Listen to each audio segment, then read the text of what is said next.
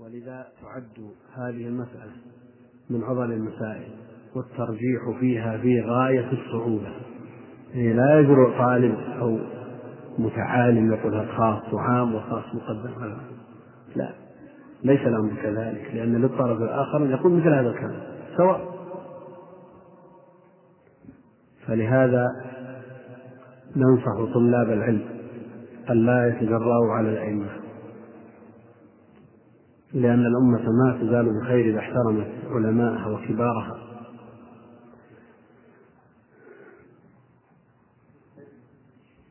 مثل تحية المسجد. تحية المسجد والذي ترجح لدي أنه في الوقتين الموسعين لا مانع من فعل ذوات الأسباب.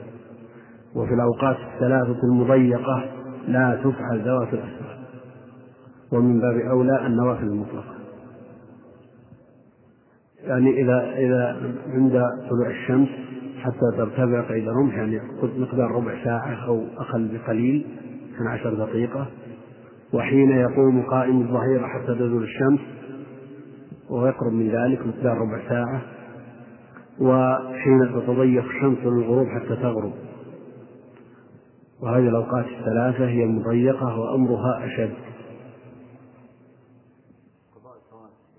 قضاء الفرائض ما فيها شيء. من نام عن صلاة ونسيها فليصليها إذا ذكرها. هذا وقتها. الفرائض لا تذكر فيها. خلافا للحنفية نعم. إذا إذا أحرمت في وقت مضيق لا تصلي. لا تصلي. حتى الموسع أنا عندي مثل هاتين الركعتين لا ليس من القوة بحيث تعارض بهما أحد الناس نعم. كيف؟ سجود التلاوة على خلاف إن كان صلاة فحكمه حكم النوافل. وعند من يقول أن سجود التلاوة ليس بصلاة يسجد ما في أي وقت. قول ابن عمر في الصحيح أنه ليس بصلاة يسجد غير القبلة ويسجد غير طهارة. تشمله أحكام الصلاة. يقول لا ترى يا شيخ أن ركعتي الإحرام خاصة بمن أحرم من ذي الحليفة. لا وجه للتخصيص هنا. لأن من أحرم أخذ الوصف الذي هو الإحرام. من أي ميقات كان على حد سواء. يقول هل يصح تصح التلبية التي وردت في ماجه أنه قال لبيك إله الحق الرسول عليه الصلاة والسلام كما في الكتاب لزم تلبيته. لبيك اللهم لبيك لبيك لا شريك لك لبيك إن الحمد والنعمة لك والملك لا شريك لك. والناس يلبون بألفاظ أخرى وبصيغ لا محظور فيها والرسول عليه الصلاة والسلام يسمعهم ولا ينكر عليه ولكنه لزم تلبية عليه الصلاة والسلام. هنا فيها أيضا أسئلة. هل الرمل بخطى قصيرة في الازدحام يشرع أم لا؟ الأصل في الرمل أنه الإسراع في المشي مع تقارب الخطى إن تيسر فهو مشروع مسنون وإلا آه، يسقط. بعض الناس يهز المنكبين وهو يمشي المشي. هذا ليس برمل هذا ليس برمل.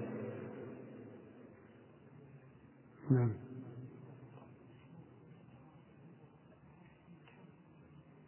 على كل حال الطهارة شرط عند جماهير الطهارة شرط عند جمهور وعلى هذا عليه أن يتوضأ نعم كيف؟ كيف؟ على كل حال إذا تيسر الإسراع في المشي فهو مطلوب لكن من قدر على بعض العبادة وعجز عن بعضها. فإن كان البعض المقدور عليه مقصود لذاته أتي به وإلا فلا.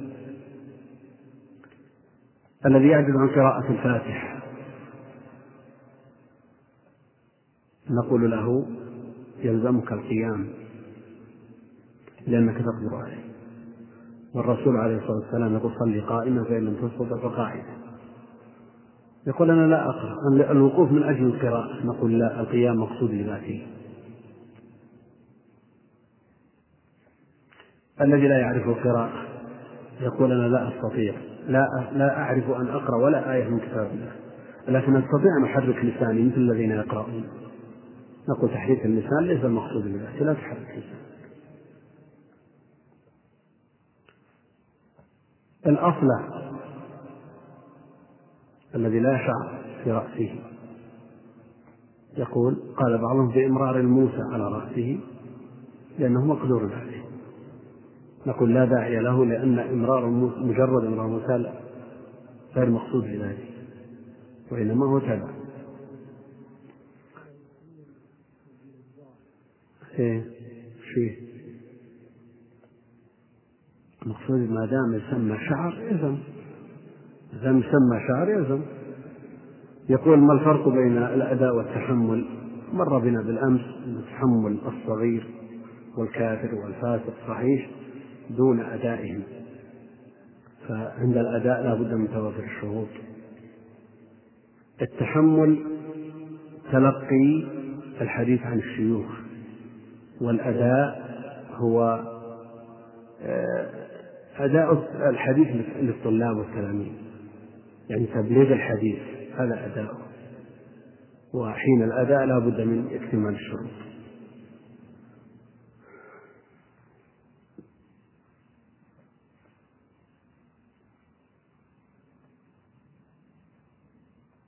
يقول امرأة تضحي كل سنة عنها وعن والديها فهل لها أن تضع عن هذه الأضحية ثمن هذه الأضحية في ترميم مسجد بقصد الأجر لهؤلاء الأشخاص أن في أضحية رغم أن إخوتها يضحون سنويا عن والديهم وأولادها يضحون عن أنفسهم. على كل حال إن دخلت تبعا لغيرها كزوجها مثلا فالصدقة بثمن هذه الأضحية لأنها آه، سقطت التضحية عنها. الصدقة بثمن هذه الأضحية أو جعلها بمشروع متعدي النفع أو لا وإلا فالأصل أن التضحية أفضل من الصدقة بثمنها ذبح الأضحية أفضل من الصدقة بثمنها.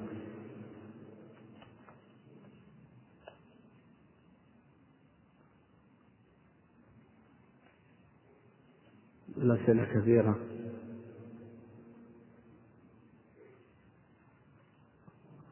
بعضها لا علاقة له بالموضوع.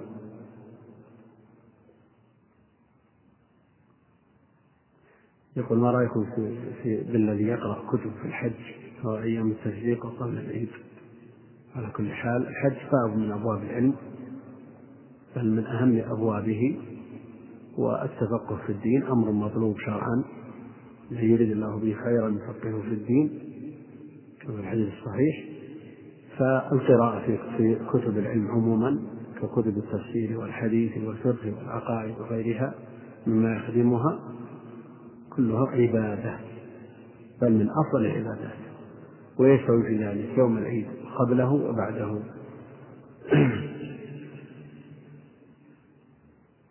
يقول طالب علم طالب علم يجد في نفسه العجب وهو يجاهد نفسه في دفعه من العلاج. جزاكم الله خيرا. لا شك أن العلاج شاق في أول الأمر سواء كان في ذلك العجب أو الرياء أو التشريك. طلب دنيا أو خير. فعلى الإنسان أن يجاهد نفسه. والعجب العجب مشرف للعمل نسأل الله العجب فاحذره. إن العجب مجترف أعمال صاحبه في سيله العرم. يقول الشيخ حافظ رحمه الله. فعلى الإنسان أن يجاهد نفسه ويعودها التواضع. ويذكرها بما اشتملت عليه من نقائص. لو تذكر الإنسان وتصور حاله ووضعه من بداية عمره إلى أن شب وترعرع وجد من النقص الشيء الكثير الذي يصل به إلى أن يزدري نفسه فضلا عن أن يعجب بها. والله المستعان. فعلى كل حال الجهاد لا بد منه. قد يقول قائل إنه لا يستطيع أن يجاهد نفسه لتصحيح نيته. فهل يترك التعلم؟ الجواب لا. عليه أن يتعلم وعليه أن يجاهد. والعلم الشرعي كفيل بإذن الله سبحانه وتعالى أن يدعو إلى تصحيح النية.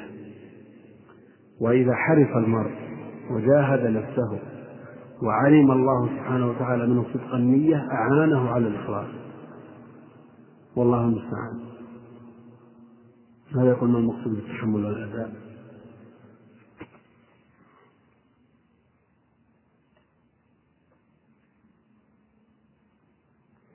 يقول في حديث جابر قال النبي عليه الصلاة والسلام لما انتهى من طوافه قال اتخذوا من مقام إبراهيم مصلى. هل هذا للتعليم أم من السنة أن تقرأ هذه الآية عند التوجه لصلاة ركعتين أهل العلم من شراح الحديث وغيرهم قالوا يسن أن يقرأ مثل هذه الآية إذا فرغ من طوافه واتجه إلى آه، المقام بصلاة ركعتين وكذلك إذا رقي على الصفاء يقرأ أبدأ بما بدأ الله به. كما قال النبي عليه الصلاة والسلام إن الصفا والمروة من شعائر الله إلى آخره.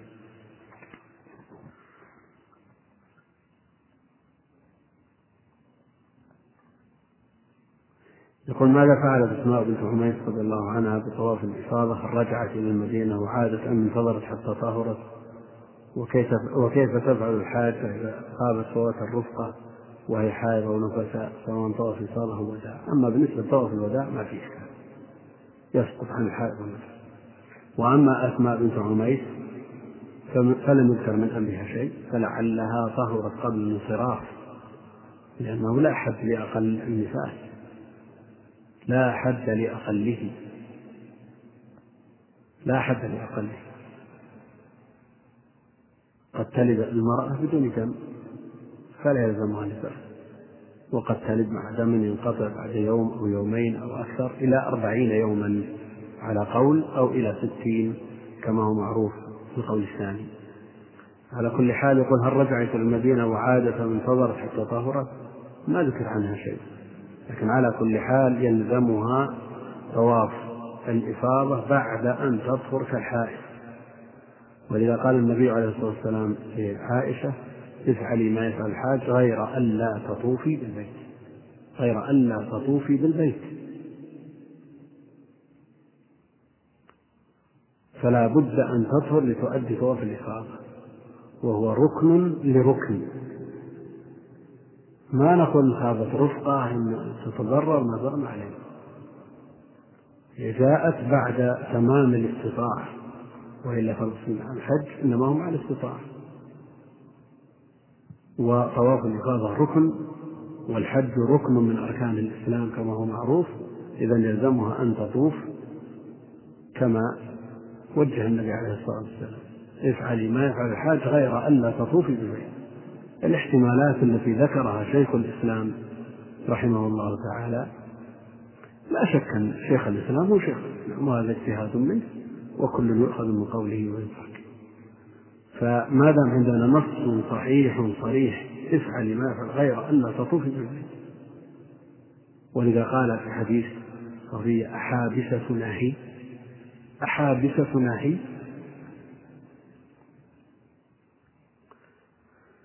فدل على أن الحائض تحبس الرفقة. نعم. تأخذ ترجع لأنه لا لا حد لآخر لكن ما ترتكب المحظور المرتب على التحلل الثاني. ترجع لا ترجع طوفها بس على لا يقربها زوجها لأن ما حلت إلا الآن.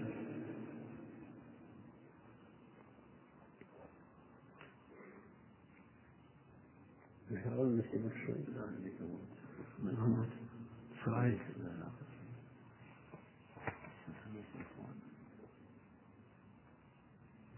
طيب نعم سم.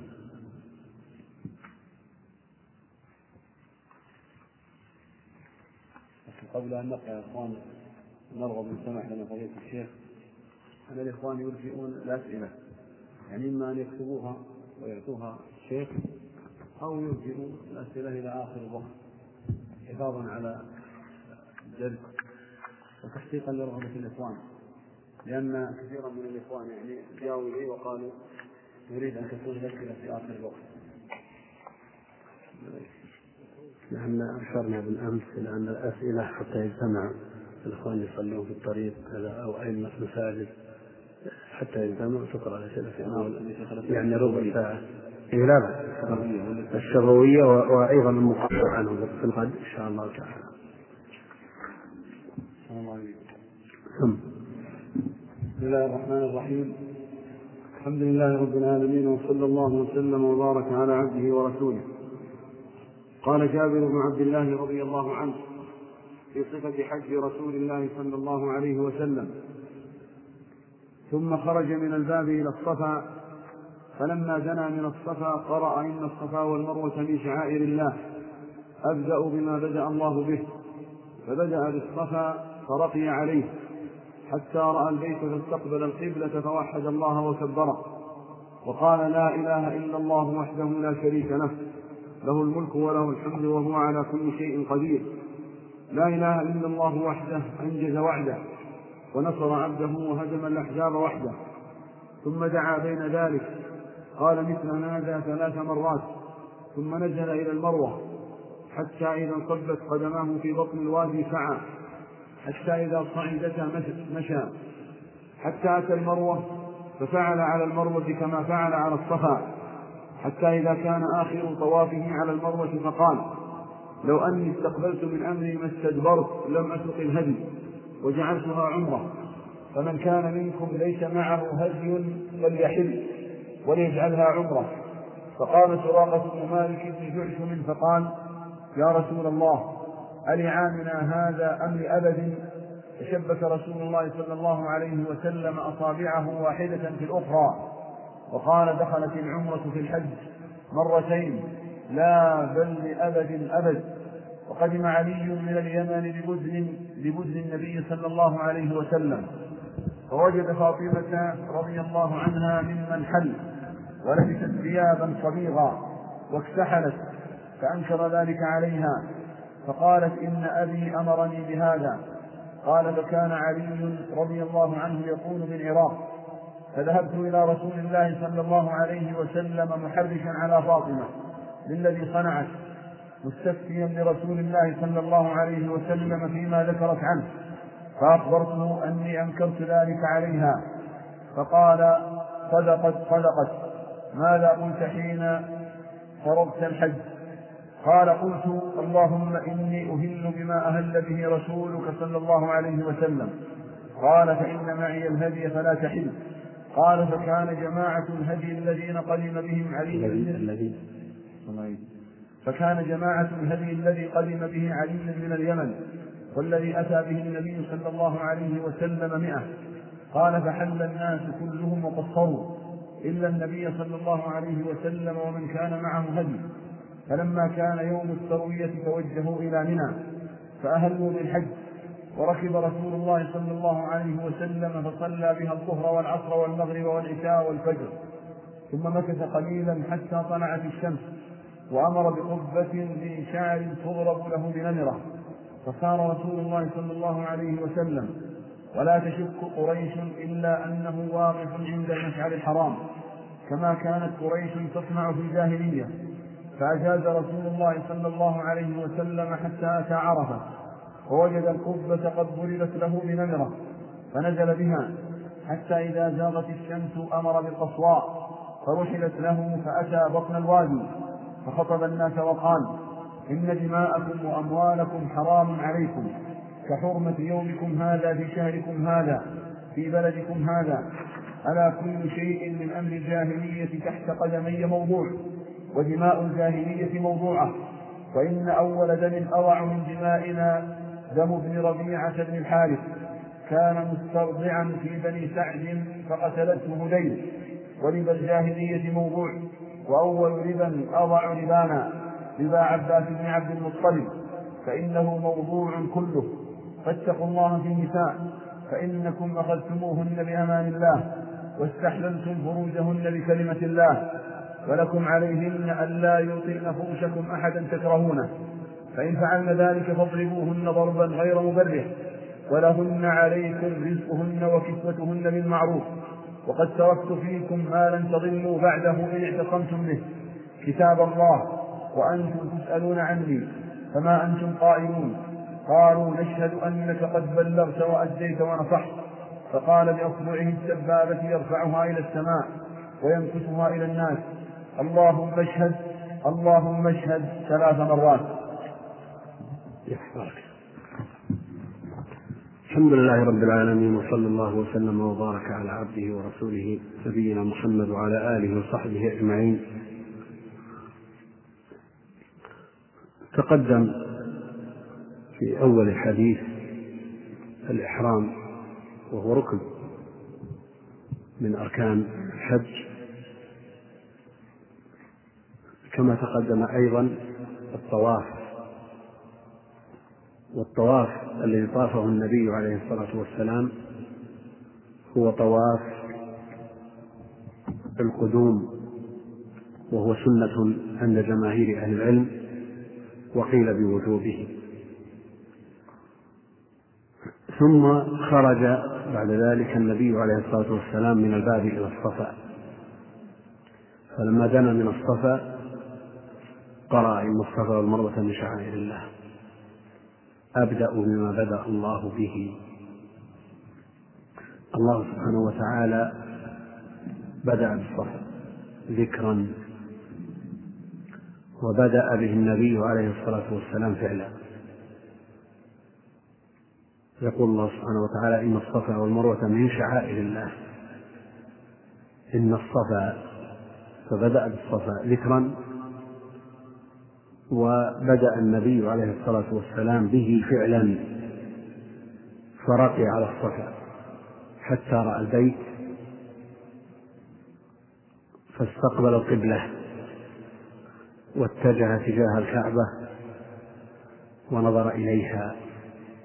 وهذا سنة إن تيسر وإلا فالجهة كافية لأنه في هذه الأزمان مع كثرة العمد كثرة البنايات قد لا يتيسر.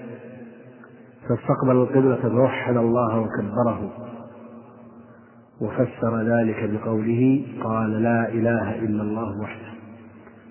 هذا التوحيد. لا إله إلا الله وحده. لا شريك له له الملك وله الحمد. وهو على كل شيء قدير. وهذا التوحيد من أفضل ما يقوله المسلم. بل أفضل ما قاله النبي عليه الصلاة والسلام والنبيون من قبله. أفضل الدعاء دعاء يوم عرفة. وأفضل ما قلت أنا والنبيون من قبلي لا إله إلا الله وحده لا شريك له. له الملك وله الحمد وهو على كل شيء قدير. ومن قال لا إله إلا الله وحده لا شريك له له الملك وله الحمد وهو على كل شيء قدير. في يوم مئة مرة حصل له أمور واحد منها يكفي. كتب له مئة حسنة حط عنه مئة خطيئة حذر من الشيطان حتى يمسي إلى آخره. فالمحروم من حرم مثل هذه الأذكار. والناس في غفلة عن مثل هذا. إذا قال لا إله إلا الله وحده لا شريك له له الملك وله الحمد. يحيي ويميت وهو على كل شيء قدير. عشر مرات كان كمن أعتق عشرة. أربعة من ولد إسماعيل. أربعة من ولد إسماعيل. لا يكلف. يعني عشر مرات تقال بدون مبالغة في دقيقة. لكن الحرمان لا نهاية له. من قال سبحان الله وبحمده مئة مرة حطت عنه خطاياه. خطايا جمع مضاف فيفيد العموم. وإن كانت مثل زبد البحر. على كل حال هذه مناسبة لذكر هذا الذكر. فالنبي عليه الصلاة والسلام يكثر من الذكر. والذكر في موطنه أفضل من غيره. فقول لا إله إلا الله وحده لا شريك له في هذا الموضع أفضل من قراءة القرآن. كما أن التسبيح بالركوع والسجود أفضل من التلاوة. بل التلاوة حرام في حال الركوع والسجود كما هو معروف.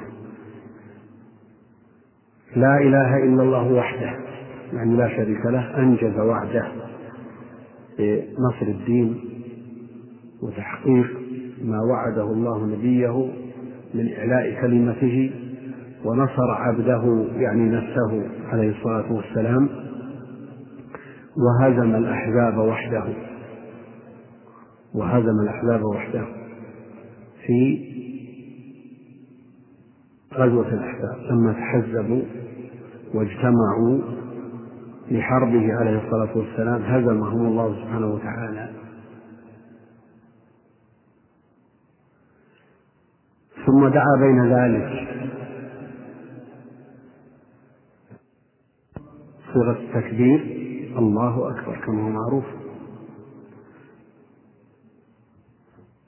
ثم دعا بين ذلك. دعا بين التوحيد والتكبير. قال مثل هذا ثلاث مرات. فأعاد التوحيد والتكبير والدعاء ثلاثا. ومنهم من يقول يوحد ويكبر ثلاثا ويدعو مرتين. لكن الحديث صريح في كون الدعاء يكرر ثلاثا كالتوحيد والتكبير.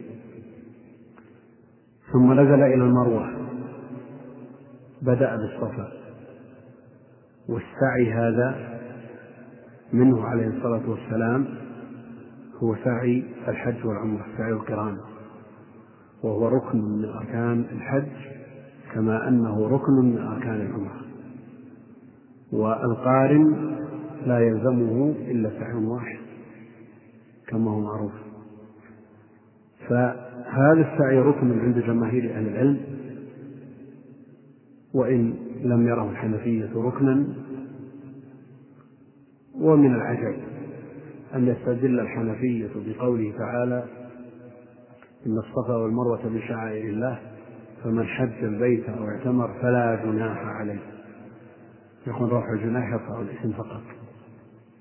ومع ذلك يوجبون القصر مع أن دليله في القرآن بهذه الصيغة.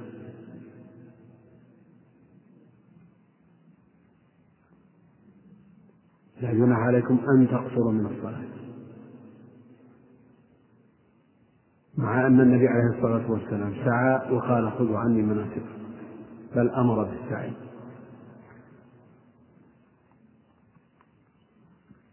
ثم نزل إلى المروة حتى إذا انصبت قدماه في بطن الوادي سعى. هو يسعى من الصفا إلى المروة هذا كل سعي. فكيف يقول حتى إذا انصبت قدماه في بطن الوادي سعى؟ السعي هو الجري. الركض وجاء في بعض الروايات أن إزاره يرتفع عن ركبته عليه الصلاة والسلام. فدل على أنه سعي شديد. حتى إذا صعدتا مشى فالسعي بين العلمين في الوادي فقط. قبله لا يسن السعي وبعده لا يسن السعي. كما أن السعي خاص بالرجال فيما قرره جمهور أهل العلم وإن قال بعضهم بأن الاقتداء كما هو للرجال هو أيضا للنساء. لكن النساء مطلوب منهن الستر والسعي يعرضهن لما يخل بهذا الستر ويفتشه صعدتا حتى أتى المروة ففعل على المروة كما فعل على الصفا حتى إذا كان آخر طوافيه على المروة إلى آخره. هذا السعي بدءا من الصفا وقد صعد النبي عليه الصلاة والسلام على الصفا. ثم أتى المروة ففعل على المروة كما فعل على الصفا يعني صعد عليها. والصعود سنة عند الأكثر وقال بعضهم بوجوبه وأنه لا بد منه وأنه من تمام السعي. حتى إذا كان آخر طوافه يعني آخر سعيه بين الصفا والمروة كان آخره على المروة.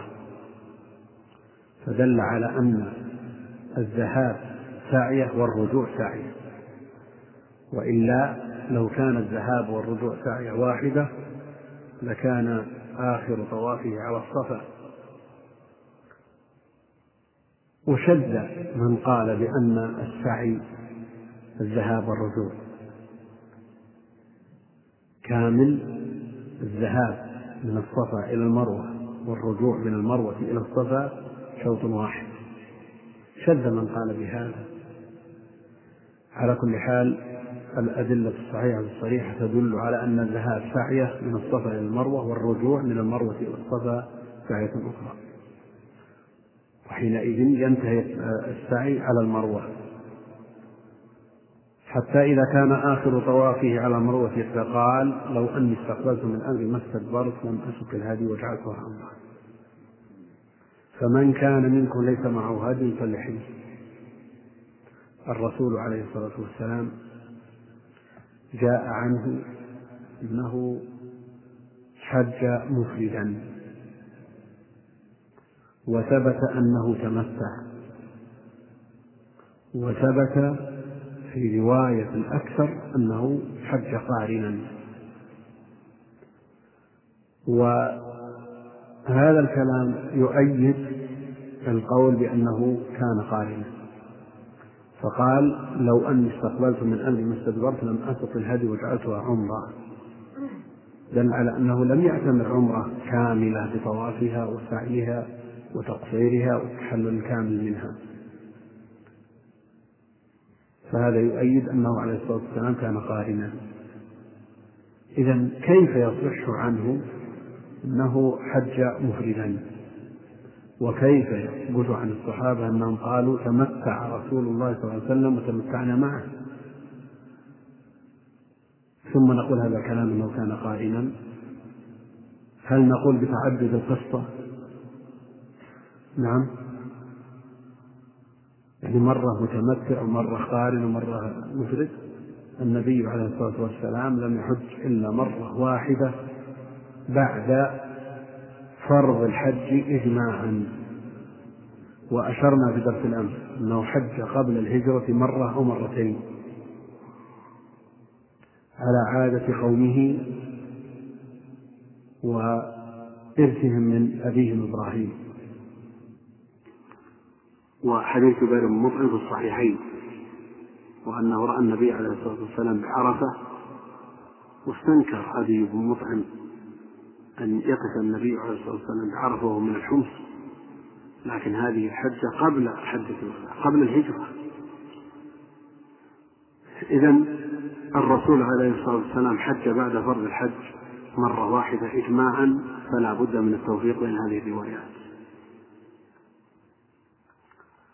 بعض أهل العلم ممن يجبن عن توهيم الرواة يقول بتعدد القصة كما هو الشأن في صلاة الكسوف.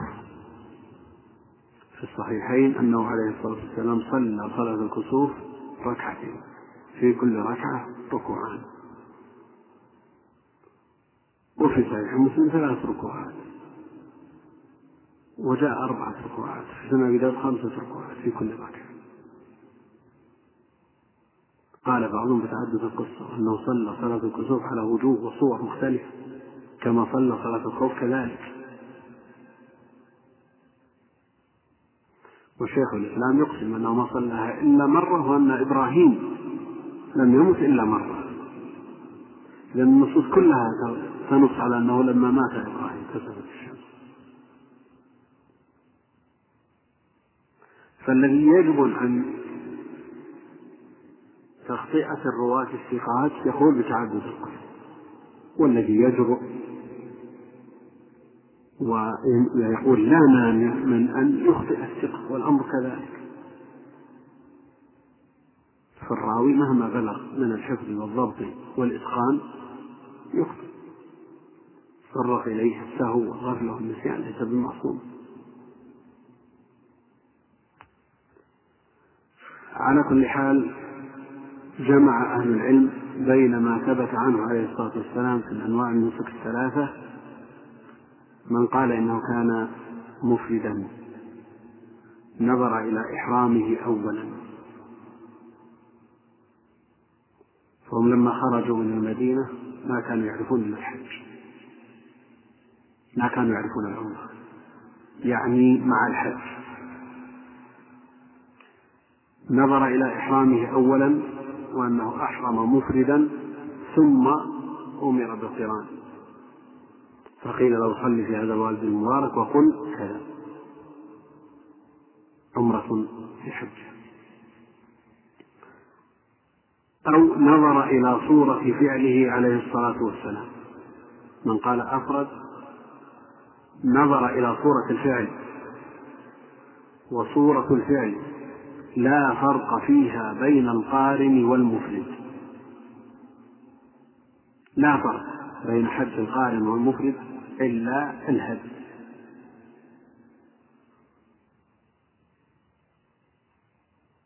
سواء شخص وصل إلى مكة يوم عرفة أو آخر يوم عرفة خشي فوات الحج فتردد هل يحرم مفرد ولا يحرم يحرم قارن؟ نقول لا فرق في الصورة لا فرق ولن يعوقك القرآن عن شيء. اللهم إلا أنه يلزمك الحج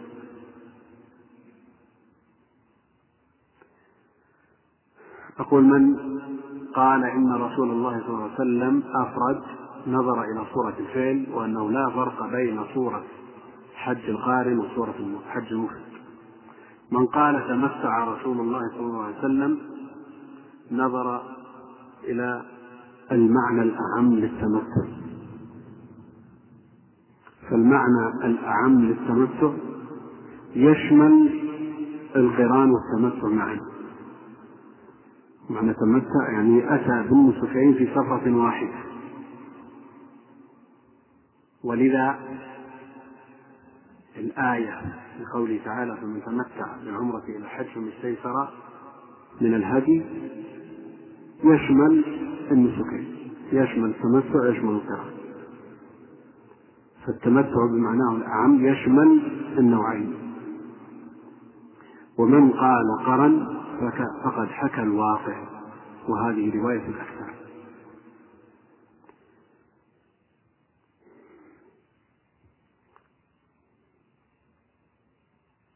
فقال لو أني استقبلت من أمري ما استدبرت لو جاء في الحديث الصحيح أنها تفتح عمل الشيطان.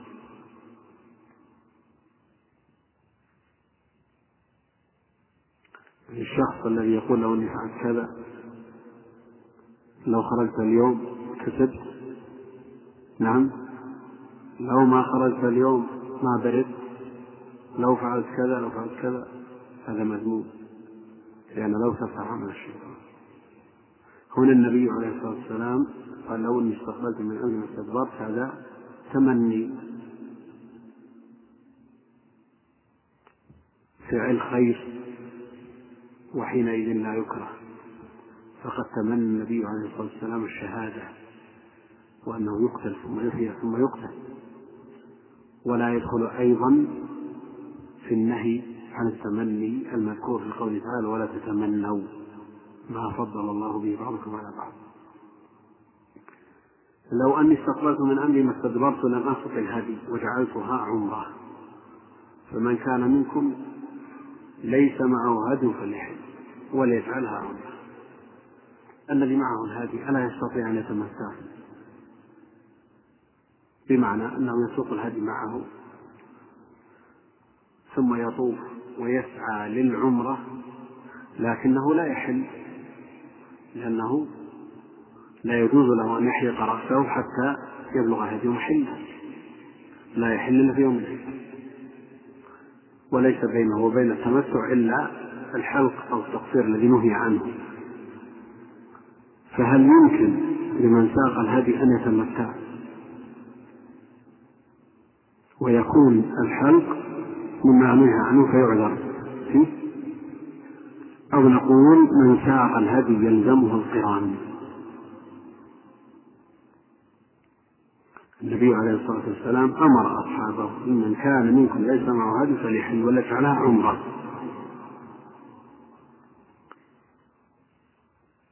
أو نقول من ساق الهدي يلزمه القران؟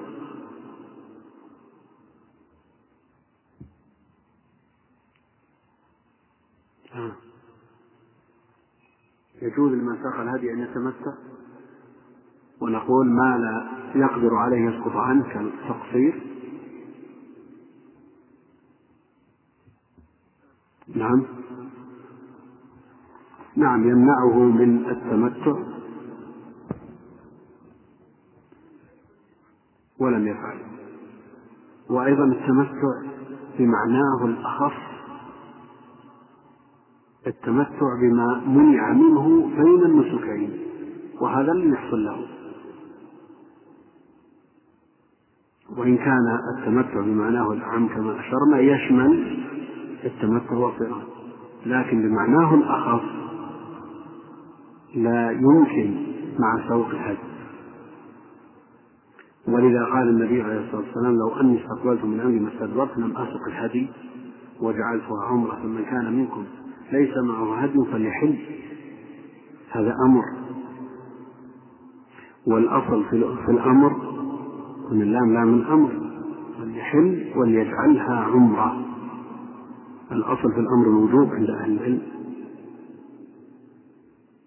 الأصل في الأمر الوجوب لأدلة كثيرة فليحذر الذين يخالفون عن أمره. رتب على مخالفة الأمر عقاب. إذا فعل الأمر لازم وواجب. لولا أن أشق على أمتي لأمرتهم بالسواك. الذي لم يسق الهدي يشرع له أن يجعل نسكه عمرة لكن هل يجب أو يستحب؟ قيل بالوجوب. قال ابن عباس ونصره ابن القيم. وقيل باستحبابه وهذا هو المذهب عند الحنابلة كما هو معروف وغيرهم يقولون هذا خاص. هذا الأمر خاص بالصحابة. فمن أحرم بشيء لزمه إتمامه ولا ينتقل إلى غيره. وهذا الأمر خاص بالصحابة. فليحل ويجعلها عمرة. فقام سراقة بن مالك بن جعشم فقال يا رسول الله ألعامنا هذا أم لأبد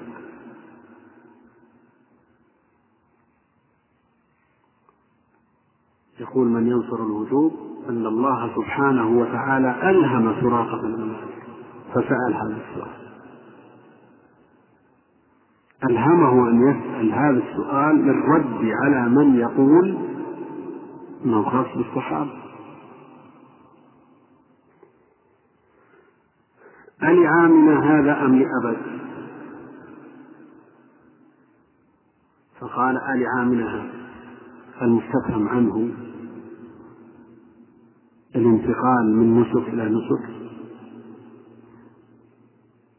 أو التمتع أو العمرة مع الحج. هذا الذي لأبد وقلب الإحرام. نعم.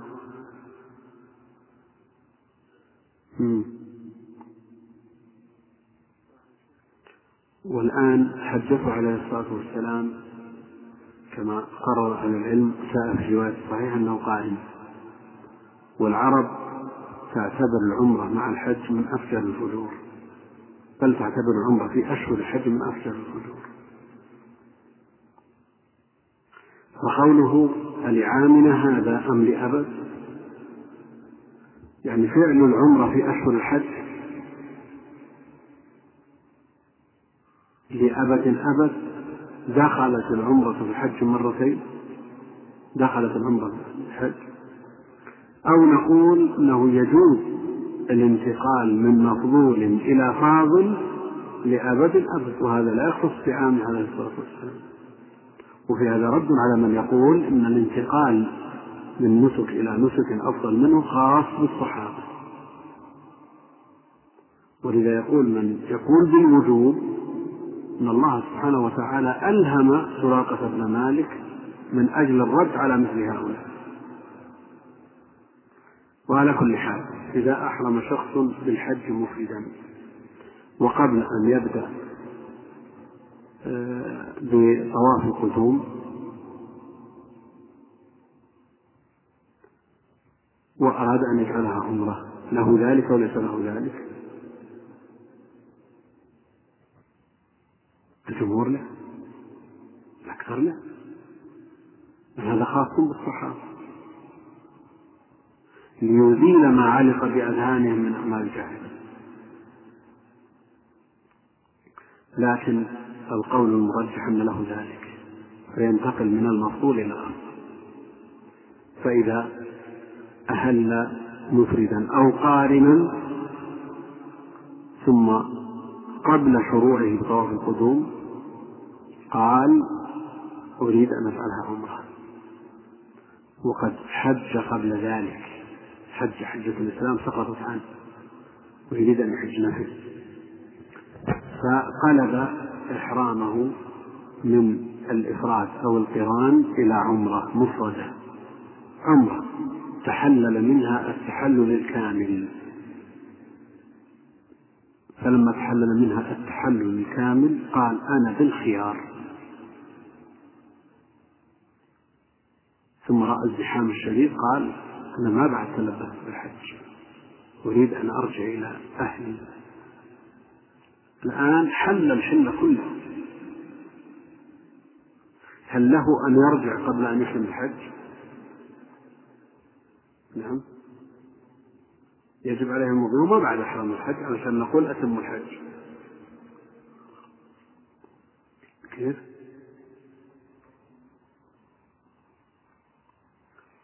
قلنا له ما أهل بالحج وأهل بعمرة. الآن قلنا له يسوغ لك أن تجعل إحرامك عمرة. وحل الحل كله بمعنى أنه يجوز له أن يصيب من زوجته ما يصيبه الحلال. هل له أن يرجع لأنه يقول أنا متطوع بالحج والمتطوع أمير نفسه. نعم.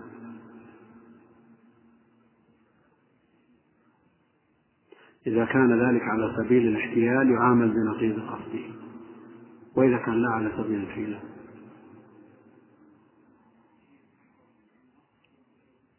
نعم. نعم.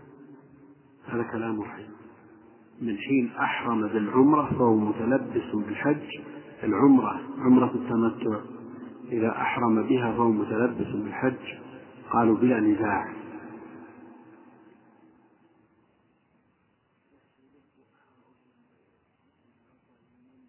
إيه. جعلها.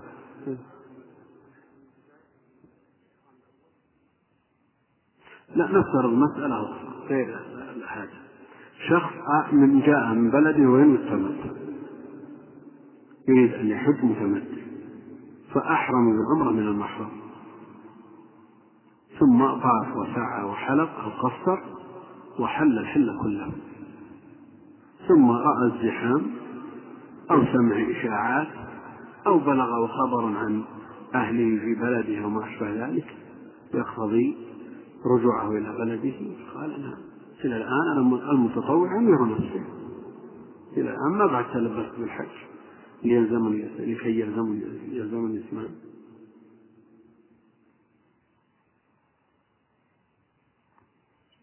نعم كلام شيخ الإسلام صريح في هذا وأنه من تلبس بالعمرة التي ينوي الحج بعدها فقد تلبس بالحج. شاء أم أبى؟ تحايل أو لا؟ ولذا يلزمه الهدي هدي التمتع وسبب الوجوب لهدي التمتع الإحرام بالعمرة. كما قرر العلم في القاعدة المعروفة أن كل عبادة وعقد له سبب وجوب ووقت وجوب كما هو معروف القاعدة واضحة معروفة. وذكرناها مرارا والإخوان وهم غرباء فنقول له لا يجوز لك أن ترجع ولو حللت الحل كله. لا يجوز لك أن ترجع ولو حللت الحل كله. حتى تحج شخص خرج من بيته من الرياض يريد أن يحج. لما وصل الطائف بلغته هذه الإشاعات فرجع. يقول عازم الحج من بلدك؟ إيش معنى هذا إنك ترجع من قرب الميقات؟ يجوز ولا ما يجوز؟ يجوز من لم يتلبس بالحج إلى الآن. لم يتلبس بالحج إلى الآن. فهذه الصورة تختلف عن تلك الصورة.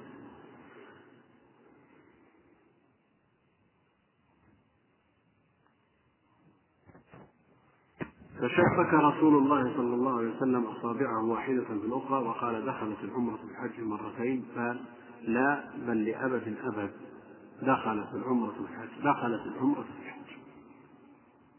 إيش معنى دخول العمرة في الحج؟ مع دخولها ضمن أفعاله بالنسبة لمن؟ للمفرد. للمفرد أو المتمتع؟ للقارن بالنسبة للقارن دخلت العمرة في الحج مرتين. لا بل لأبد. ومنهم من يقول إن حكم العمرة دخل في حكم الحج. وعلى هذا لا تلزم العمرة ولا تجب. يجزي عن الحج. والعمرة المرجح فيها أنها واجبة. نعم وجوبها ليس مثل وجوب الحج. ركن من أركان الإسلام يأثم بتركها لكن الأمر فيها أخف. والخلاف بين أهل العلم معروف. وقدم علي من اليمن ببدن النبي صلى الله عليه وسلم فوجد فاطمة رضي الله عنها زوجته ممن حل ولبس ثيابا صديغا ما تصور أن الناس يحلون قبل أن يبلغ الهدي محله قبل يوم العيد. وجهها حل فالحلق الكل فأنكر عليها فأنكر ذلك عليها فقالت إن أبي أمرني بهذا تعني رسول الله صلى الله عليه وسلم. قال فكان علي يقول بالعراق بعد أن ذهب إلى العراق حال إمارته على المؤمنين. يقول فذهبت إلى رسول الله صلى الله عليه وسلم محرشا يغري النبي عليه الصلاة والسلام بها. محرشا يغريه بها. انظر ما صنعت. حلت ولبست ثياب صبيغة واكتحلت. كأنها ما تلبست بنصر محرش على فاطمة الذي صنعت مستفتيا لرسول الله صلى الله عليه وسلم فيما ذكرت عنه.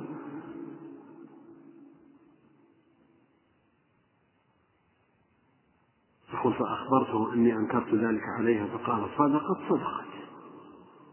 نعم. من طاف وسعى وقصر يحل في الكل إذا لم يصل الحج. ماذا قلت حين فرضت الحج؟ يعني يا علي ماذا قلت حين أهللت؟ فأخبر أنه أهل بإحلال معلق. اللهم إني أهل بما أهل به رسولك صلى الله عليه وسلم. فيجوز الإهلال مطلق ويصرفه لما شاء من الأمساك ويجب ويجوز الإحرام معلق كإحرام فلان مثلا. لكن إذا قال أحرمت بما أحرم به زيد أو أهللت بما أهل به زيد ثم تبين زيد لم يحج. نعم؟ أو زيد ساق الهدي وهذا لم يسق الهدي. نقول يلزمه أن يفعل مثل ما يفعل زيد أو كل له وضعه كل له ظرفه. فالنبي عليه الصلاة والسلام ساق الهدي فلزمه القران. أهل بهما معا. وعلي رضي الله عنه ساق الهدي كذلك فلزمه القران لكن أبا موسى الأشعري وقد قال أهللت بما أهل به رسول الله صلى الله عليه وسلم ولم يكن معه هدي جعلها عمرة. أمر بما أمر به غيره من الصحابة أن يحل. قال فإن معي الهدي فلا تحل. قال فكان جماعة الهدي يعني مجموع الهدي. الذي قدم به علي من اليمن والذي أتى به النبي صلى الله عليه وسلم مئة من البدن. قال فحل الناس كلهم وقصروا إلى النبي صلى الله عليه وسلم. ومن كان معه هدي. وهذا وإن كان لفظه العموم حل الناس وأكد بكل إلا أنه لا يشمل مثل عائشة. وليس معها هدي لماذا؟ يقول فحل الناس كلهم إلا الرسول عليه الصلاة والسلام ومن كان معه. هدي عائشة ليس معها. ولم تحل لأنها لما حاضت خشيت فوات الحج أمرت بإدخال الحج على العمرة فصارت قائمة ولم تحل ومن كان معه هدي فلما كان يوم التروية وهو الثامن من ذي الحجة. توجهوا إلى منى فأهلوا بالحج. فالسنة أن يتوجه الناس يوم التروية يوم الثامن إلى منى. ويصلون فيها الظهر والعصر والمغرب والعشاء والفجر خمسة أوقات ويهلون في ذلك اليوم.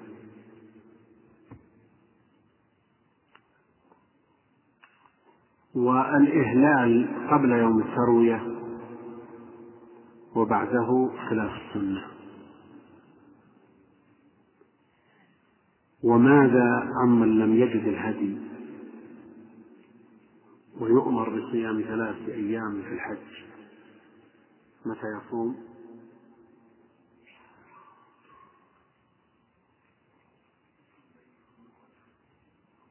قبل إحرامه بالحج قبل تلبسه بالحج؟ نعم هو متلبس بالحج وعلى هذا يصوم الثلاثة الأيام في السادس والسابع والثامن. نعم. ولو كان صيامه يومين قبل أن يتلبس بالحج أردنا أن نطبق القاعدة من سبب الوجوب الإحرام بالعمرة التي ينوي بها التمتع إلى الحج ووقت الوجوب متى؟ فجر يوم عرفة يوم العيد أو طلوع الشمس من يوم العيد هذا خلاف معروف عند أهل العلم. وإذا قلنا يجوز الفعل بعد السبب وقبل الوقت قلنا أنه يصوم قبل يوم العيد. يوم العيد معروف حكم صيامه حرام. ولا يستثنى أحد بخلاف أيام التشريق يحرم صومها لكن يستثنى من لم يجد الهدي ولم يستطع الصيام قبل ذلك. يوم عرفة يكره صيامه عند الأكثر وقال بعضهم بتحريم صيامه وجاء في الحديث من كان فيه مقال نهى عن صوم يوم عرفة بعرفة فعلى هذا يصوم قبل عرفة السادس والسابع والثامن. أو يصوم قبل ذلك إن كان قد أتى إلى مكة في أول العشر مثلا. صوم الثالث والرابع والخامس قبل أن يتهيأ للحج. إن لم يتمكن من الصيام ممن عجز عن الهدي قبل يوم عرفة يصوم أيام التشريق. إن لم يتمكن في أيام التشريق فإنه متى يصومها نعم. إذا رجع إلى أهله أو في مكة في الحج يعني في أشهر الحج على رأي مالك.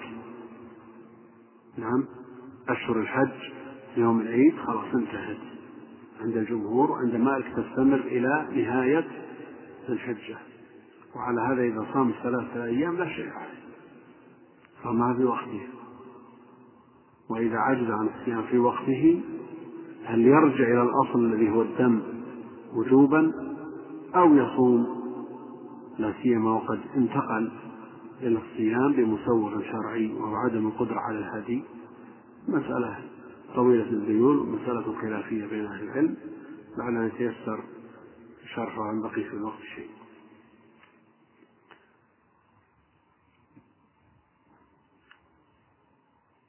فلما كان يوم التروية توجهوا إلى منى فأهلوا بالحج أحرموا به وركب رسول الله صلى الله عليه وسلم فصلى بها الظهر والعصر والمغرب والعشاء والفجر ثم مكث قليلا حتى طلعت الشمس. هذه السنة. وأمر بقبة من شعر تضرب له بنمرة فسار رسول الله صلى الله عليه وسلم وكل هذا على سبيل الاستحباب. أن لو شخص من غير مانع لم يحرم بالحج إلا يوم عرفة وخرج مباشرة إلى عرفة. ما جلس في منى وبات بها ليلة التاسع وجلس بنمرة كفعل عليه الصلاة والسلام لا شك أن الاقتداء به والاقتفاء به أكمل. لكن هذه سنن من تركها لا شيء عليه. من تركها لا شيء عليه. وأمر بقبة من شعر تضرب له بنمرة. فسار رسول الله صلى الله عليه وسلم ولا تشك قريش إلا أنه واقف عند مشعر الحرام كما كانت قريش تصنع في الجاهلية. يزعمون أنهم أهل الحرم. فلا يخرجون منه. وعرفة من الحل ليست من الحرم ومزدلفة كما هو معروف من الحرم. كانت قريش ومن يدين بدينها من الحمص يقفون بالمشعر ولا يخرجون إلى عرفة بينما غيرهم من القبائل يخرجون إلى عرفة لكن النبي عليه الصلاة والسلام خالفهم في هذا ووقف بعرفة ثم أفيضوا من حيث أفاض الناس. حتى أرى ساعتها عرفة فوجد القبة قد ضربت له بنمرة فنزل بها.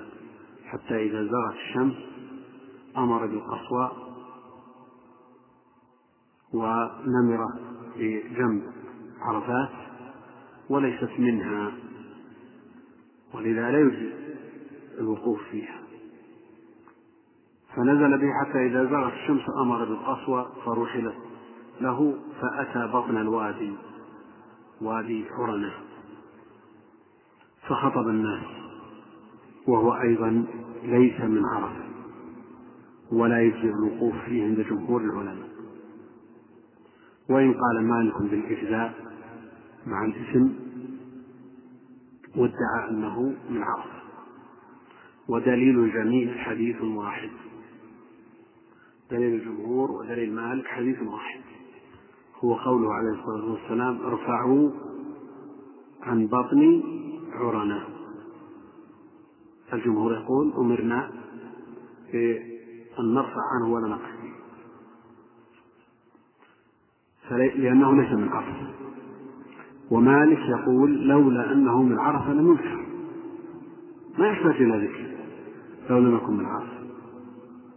فيجزئ الوقوف فيه مع الاسم وقد يلزمون الواقف فيه بدم لكن يجزئه الوقوف والصواب هو قول الجمهور كما هو معروف. فخطب الناس وقال إن دماءكم وأموالكم حرام عليكم كحرمة يومكم هذا في شهركم هذا في بلدكم هذا. هذا تشبيه. التشبيه بهذه الحرمات والمحرمات المجتمعة يدل على شدة التحريم في الدماء والأموال. إن دماءكم وأموالكم حرام عليكم كحرمة يومكم هذا في شهركم هذا في بلدكم هذا. يعني التشبيه بالمحرم شديد الحرمة يدل على شدة التحريم.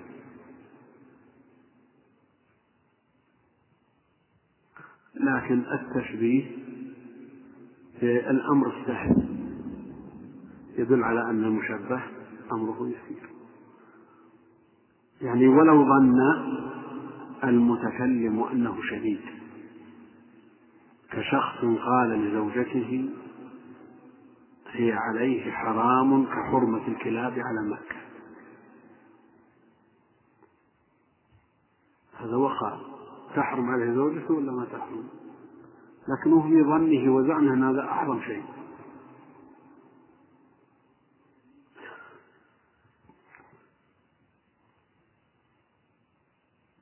هذه مسألة واقعة. شخص قال لزوجته هي حرام عليك حرمة الكلاب على مكة. كيف؟ لكن هو يقصد هو يقصد التحريم. كونه أخطأ في التشبيه شيء آخر ولذا يلزم بأي شيء؟ أو كفارة يمين. يا أيها النبي لما تحرم ما أحل مسألة خلافية كما هو معروف. على كل حال. كحرمة يوم كحرمة يومكم هذا في شهركم هذا في بلدكم هذا ألا كل شيء من أمر الجاهلية تحت قدمي موضوع. كل شيء من أمر الجاهلية. كل شيء من أمر الجاهلية موضوع. بيعهم وشراؤهم أنكحتهم تملكهم للعبيد وغيره. نقول موضوع ليس بصحيح فهو أمور صحيحة. يعني مما لم يأتي الإسلام بتقريره. نعم؟ على كل شيء من أمر الجاهلية العموم من الخصوص. تحت قدمي موضوع. هذا تعبير عن أنه لا يستحق أي تقدير ولا احترام مما فعل بالجاهلية مما يخالف الإسلام. ودماء الجاهلية موضوعة. وأن أول دم أضع من دمائنا دم ابن ربيعة بن الحارث وجاء في بعض النسخ الصحيحة من صحيح مسلم دم ربيعة بن الحارث بدون ابن المقتول ابن لربيعة بن الحارث. اسمه إياس أو آدم. أو الحارث. كان مسترضع في بني سعد فقتل فقتلته هذيل جاءه حجر من طائف فقتله. فمن قال يعني من روى أنه دم ربيعة بن الحارث فقد عنى بذلك المستحق للدم. المطالب به صاحب الدم الذي يطالب به هو ربيعة بن الحارث الأب وإلا فربيعة عمر وعاش إلى خلافة عمر رضي الله عنه. والمقتول ابنه كان مسترضعا في بني سعد ربيعة بن الحارث بن عبد بن إيش؟ بن عبد المطلب ابن عم النبي عليه الصلاة والسلام. نعم. يضبط في هذا وذاك. هو راضع ومرضع نعم. من حيث الصياغة. نعم. راضع ومرضع لكن السين والتاء هنا لها أثر ولا ما لها أثر؟ يعني نقول إنه مصر أن طلب رضاعه في بني سعد وليس الشيخ يسعفنا بمثل هذا. نعم. لكن الأخوان منكم يطلبون. نعم. على كل حال الروايات ثبتت في هذا ولا ولا الخطب سهل إن شاء الله تعالى. فقتلته وريب الجاهلية موضوع. وأول ربا أضع ربانا ربا العباس بن عبد المطلب. العباس عمه. وعم الرجل الرجل ثنو أبيه مثل أبيه. والابن شريك لأبيه في المال. فكونه ربا للعباس فهو ربا للعم والعم مثل الأب والابن شريك للأب.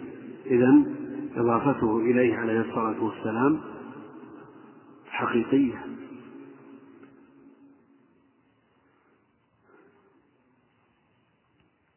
كونه عليه الصلاة والسلام أول دم أضع من دمائنا دم ابن ربيعة ابن عمه. وأول ربا يضعه عليه الصلاة والسلام ربا عباس بن عبد المطلب. هذا يدل على أن القدوة ينبغي أن يبدأ بنفسه وبأقرب الناس إليه. ولذا جاء في الحديث لو أن فاطمة بنت محمد سرقت لقطعت يدها هكذا يفعل من يريد الامتثال. أما الذي يأمر الناس وينهاهم ويجبرهم على أشياء هو يخالفها مثل هذا حري وجدير بأن يخالف. ولا يطاع أمره. ولو فرض ما فرض فرض الأوامر بالسيف. إذا لم يمتثل الإنسان نفسه ويبدأ بنفسه وأقرب الناس إليه فإن أوامره لا بد أن تعصى. وعلى هذا يقال لمن دعا الناس إلى الخير ينبغي أن يكون أسبق الناس لفعل الخير. من نهاهم عن فعل المنكرات ينبغي أن يكون أبعد الناس عنها. ولا تتصور العصمة في غيره عليه الصلاة والسلام. فلا إفراط ولا تفريط لا نقول بالعصمة أنه لا يأمر ولا ينهى إلا المعصوم كما أننا لا نقول بانفكاك الجهة من كل وجه. كما يقول بعض الأشعرية ينبغي للزاني أن يغض أو يجب على الزاني أن يغض بصره عن المزني به فجهة منفكة. هو منهي عن الزنا ومأمور بالغض ما استطاع أن يجتنب المنهي يفعل المأمور يقول لا هذا تلاعب. فلا نطلب من الآمر والناهي والمرشد والموجه والمعلم والداعية أن يكون معصوما. لكن عليه أن لا يأمر بشيء إلا ويسارع إلى فعله ليكون قدوة ليتم الاقتداء به. بفعله قبل قوله. قد يقول قائل هناك أشياء الآمر والناهي لا يستطيع تركها. أب مدخن هل له أن يزجر أولاده ومن تحت يده عن الدخان؟ نعم يقول لا أستطيع ما نقول يستطيع أن تحدث بلسان غيرك. هو يقول لا أستطيع نعم هو مأمور بالنهي مأمور بالنهي. ويبذل جهده ويستفرغ وسعه في الإقلاع. على كل حال على الآن مثل ما ذكرنا مثل ما دل عليه هذا الحديث العظيم أن من أمر أو نهى أو أرشد أو وجه ينبغي أن يكون أسبق الناس إلى فعل ما يأمر به. وقد جاء في الحديث الناس يرون من يأمرهم بالمعروف وينهاهم عن المنكر في النار. ويقول ما بالك يا فلان؟ كنت تنهانا عن كذا وتأمرنا بكذا؟ قال نعم. كنت آمركم بهذا بكذا ولا أفعل. وكنت أنهاكم عن كذا وأرتكب. نسأل الله العافية فإنه موضوع كله فاتقوا الله في النساء. عناية شرعية بالنساء. لأن الضعف ملازم لهم. اتقوا الله في النساء. فعلى المسلم أن يتقي الله سبحانه وتعالى ويمتثل هذه الوصية. ويعنى بمن تحت يده. من الضعف من النساء والصبيان وغيره. فالشرع اعتنى بالبنات وحث على العناية بهن. وكذلك أوصانا بالنساء استوصوا بالنساء خيرا. فاتقوا الله في النساء لأن المعاملة والمعاشرة تكون في البيوت غالبا ما يعز فيها البينات. فإذا ظلمت المرأة في بيتها من أين لها أن تأتي ببينة ترفع الظلم عنها؟ فخوطب ضمير الإنسان في مثل هذا. والمسألة مفترضة في مسلم يمتثل الأوامر ويجتنب النواهي اتقوا الله في النساء فإنكم أخذتموهن بأمان الله.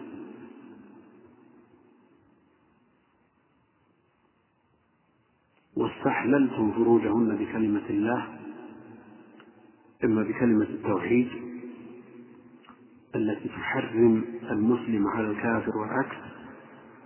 أو بالعقد بالإجابة والقبول أو بذلك كله.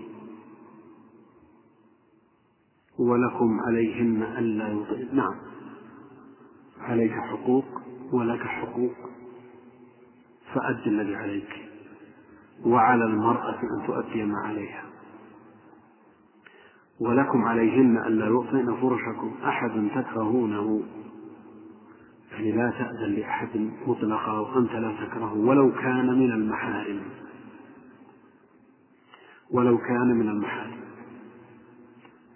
فإن فعلنا ذلك إن خالفنا فاضربوهن ضربا غير مبرح. تؤدب المرأة كما يؤدب الولد والمعلم يؤدب المتعلم. لكن كل هذا حسب التوجيه الشرعي. غير مبرح لا يكسر عضو ولا يجرح ولا يخدش يفعل ما يتم به المقصود من غير زيادة. لأن الزيادة على ما أذن به شرعا حرام. فالذي يؤدي الغرض هو المطلوب. ولهن عليكم رزقهن وكسوتهن بالمعروف. فالكسوة والنفقة والسكنى واجبة على المرأة لزوجها. على على على الزوج لزوجها. للزوجة على زوجها. نعم. كل هذا واجب للزوجة للنساء على أزواجهن من تنازل عن شيء من ذلك من النساء؟ كما لو تنازلت عن شيء من مهرها فكلوه عن طيب نفس كل هذا عن طيب نفس من غير إكراه. فإن طبن لكم عن شيء من نفس فكلوه هنيئا مريئا. إذا تنازلت عن شيء من حقوقها بطوعها واختيارها فالأمر لا يعدوها. وقد تركت فيكم ما إن أو ما لم تضلوا بعده إن اعتصمتم به كتاب الله. ترك النبي عليه الصلاة والسلام كتاب الله. وهو مصون محفوظ. من التحريف والتغيير والزيادة والنقصان. إنا نحن نزلنا الذكر وإنا له لحافظون. فهو كما تركه إلى أن يرفع في آخر الزمان. والاعتصام به هو المخرج من الفتن. وهو حل المشكلات والمعضلات. وهو دواء وعلاج لأمراض القلوب والأبدان.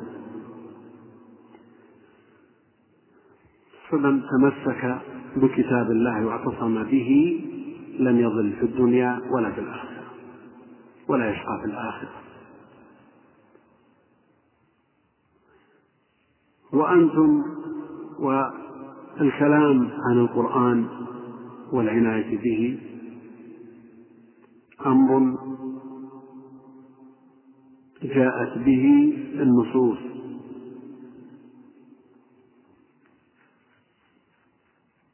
فجاء الحث على قراءة القرآن وعلى فهم القرآن وعلى إقراء القرآن وعلى تدبر القرآن.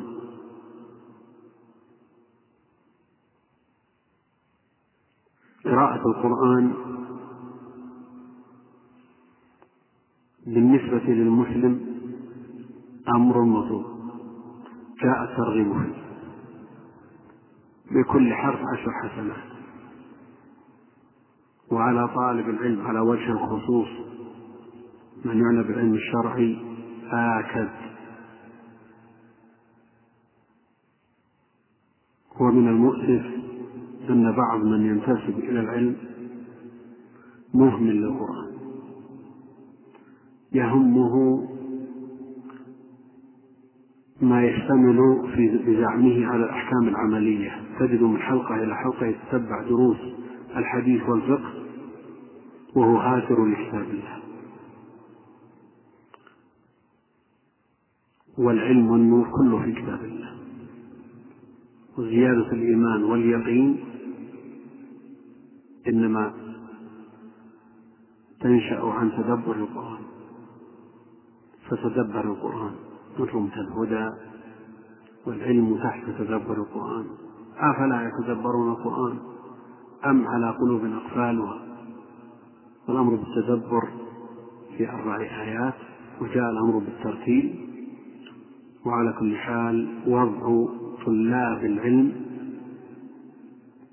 بالنسبة للقرآن غير مرفوض. كثير منهم لا أقول كلهم يوجد ولله الحمد من له ولد يومي من القرآن. لا يخل به سفرا ولا حضرا. هذا موجود.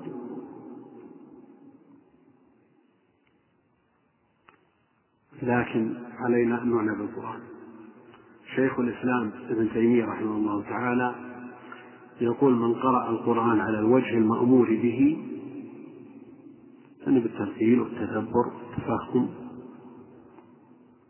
والتغني وتحسين الصوت يورث القلب من الإيمان واليقين والطمأنينة. ما لا يدركه إلا من فعله. هذا شيء ذكره شيخ الإسلام وأكد عليه هو ابن القيم كتب مملوءة من هذا. وغيره ممن يعنى بأدوية القلوب.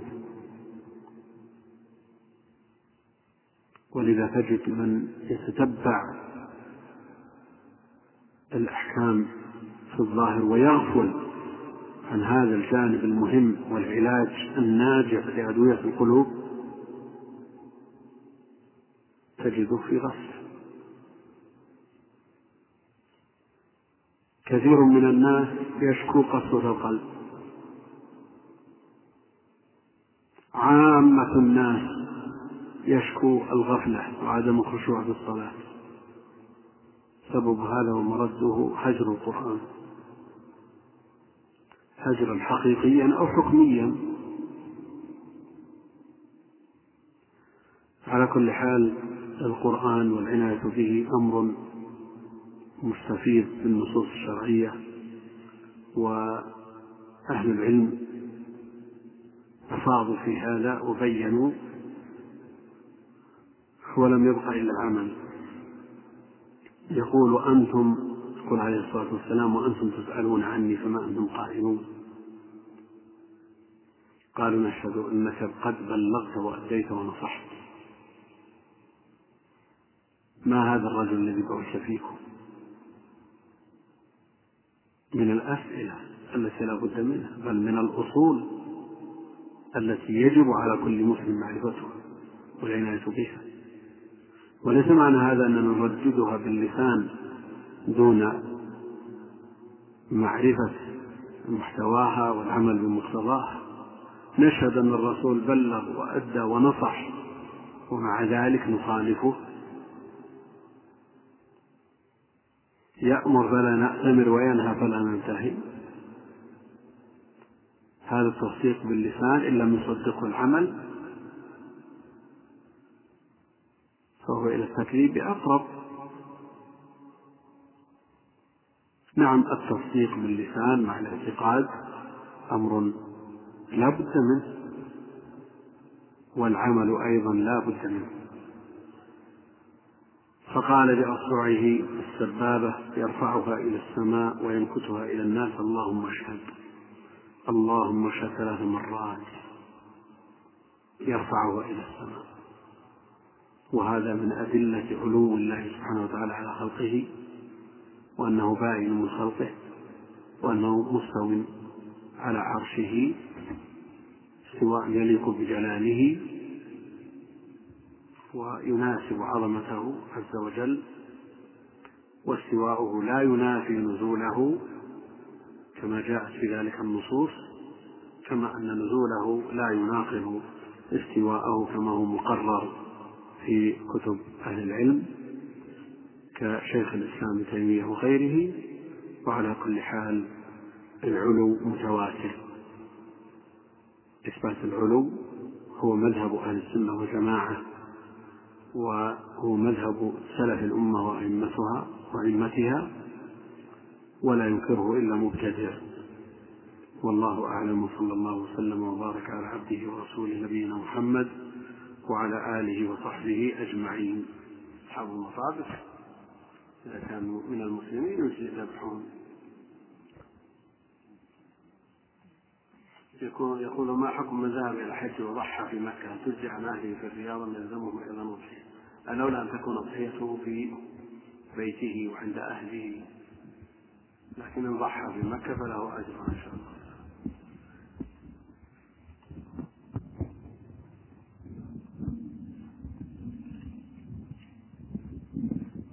يقول هل من ولدت في الحج تفعل مثل ما فعلت أسماء بنت عميس وتحرم؟ إيه تحرم. تغتسل وتستغفر وتحرم وتفعل جميع ما يفعله الحاج غير أنها لا تطوف البيت. قل هل الرمل يحرم في حق النساء أم يكره؟ أهل العلم أو عامتهم جمهورهم على أن الرمل لا يشرع في حق النساء. كذلك السعي الشديد في المسعى وإن قال الشوكاني وبعض أهل العلم أن النساء في في هذا حكم حكم الرجال هل يصح استلام الحجر الأسود من إيش؟ استلام الحجر الأسود من أي خط بعيد؟ عند استقباله يريد الإشارة الاستلام ما يستلمه بيده أو بما يكون في يده من محجن أو عصا أو نحوه. أما الإشارة إليه ما دام داخل المسجد ولو بعد يصح هذا والطواف مجزي. ما دام داخل المسجد. ولنعلم أن المسعى خارج المسجد. يقول آه، جمع الشيخ الألباني رحمه الله تعالى لإطراف حديث جابر حجة النبي عليه الصلاة والسلام. جمع آه، شامل في الجملة وإن كان آه، يفوت بعض الروايات في بعض الأجزاء والفوائد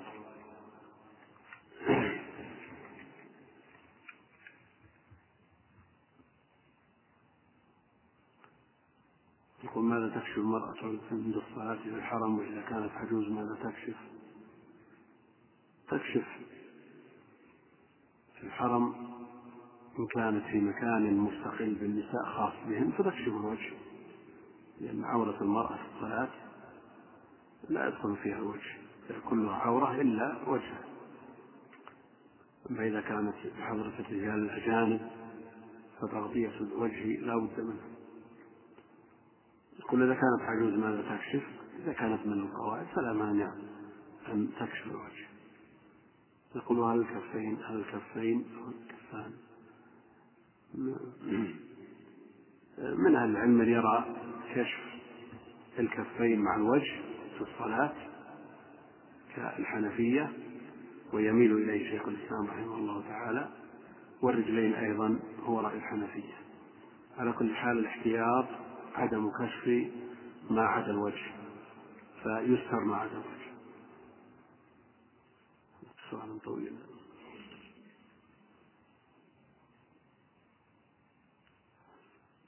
في أشياء مكررة.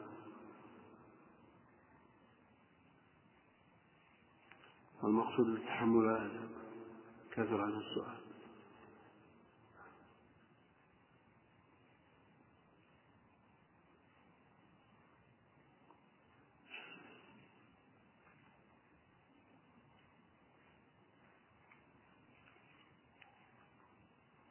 كلها سبقتها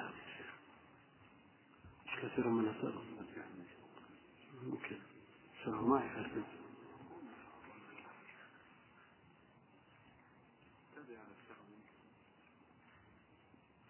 يقول ذكرتم نقلا عن بعض الشراح أنه يستقبح وضع اليد بين الثدي للرجل الكبير ولكن لم يرد أن النبي عليه الصلاة والسلام فعل ذلك في بعض الأحاديث من قيام بوضع من ذكر؟ ما ذكرنا عن بعض الشراح. هنا أن جابر رضي الله عنه رجل كبير عمل وفعل هذا من باب المداعبة والملاطفة للراوي عنه الباقر محمد بن علي بن الحسين مداعبة له. لكن إذا كان أهل العلم يحرمون النظر إلى الشاب إلى الشاب الأمرد فوضع اليد بين ثدييه من باب أولى. فإذا أمنت الفتنة فلا بأس حينئذ.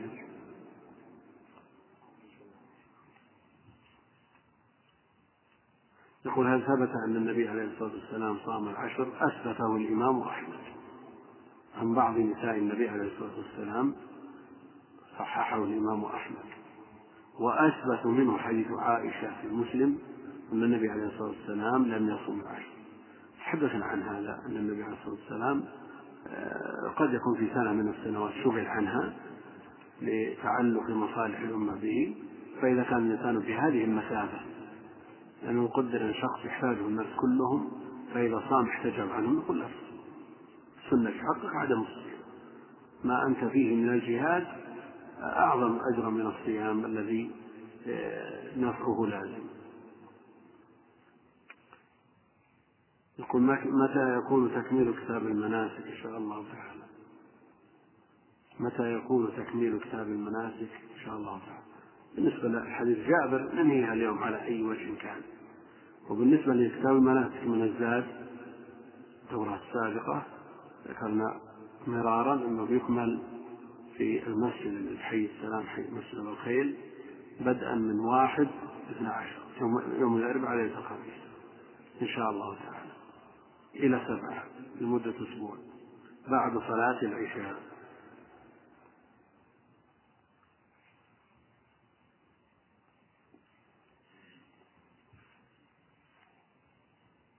يقول هل تجوز إنابة المكي لرجل آفاقي والعكس؟ إنابة المكي لرجل آفاقي لا بأس لأن فيها زيادة عمل أما إنابة الآفاقي للمكي أو من كان مسكنه بينه بين مسكن المنيب والميقات أهل العلم يجيبون على من أراد الإنابة أن يريد من حيث وجب عليه وجب عليه في الرياض من الرياض وجب عليه من مكة من مكة وهكذا لكن نعلم أن المسافة التي بين بلده وبين الميقات ليست من مقاصد الشيء وليست مقصد مقاصد الشر فإذا أناب شخصا يحرم من ميقات نفسه وأدى النسك على وجه المطلوب كفى هل يشرع استلام الحجر وتقبيله في كل شوط؟ أما استلام هنا والتقبيل حسب التيسير وجاء فضله مستقيم يقول هل تجوز خياطة الإزار بحيث أجعل له مقاصد؟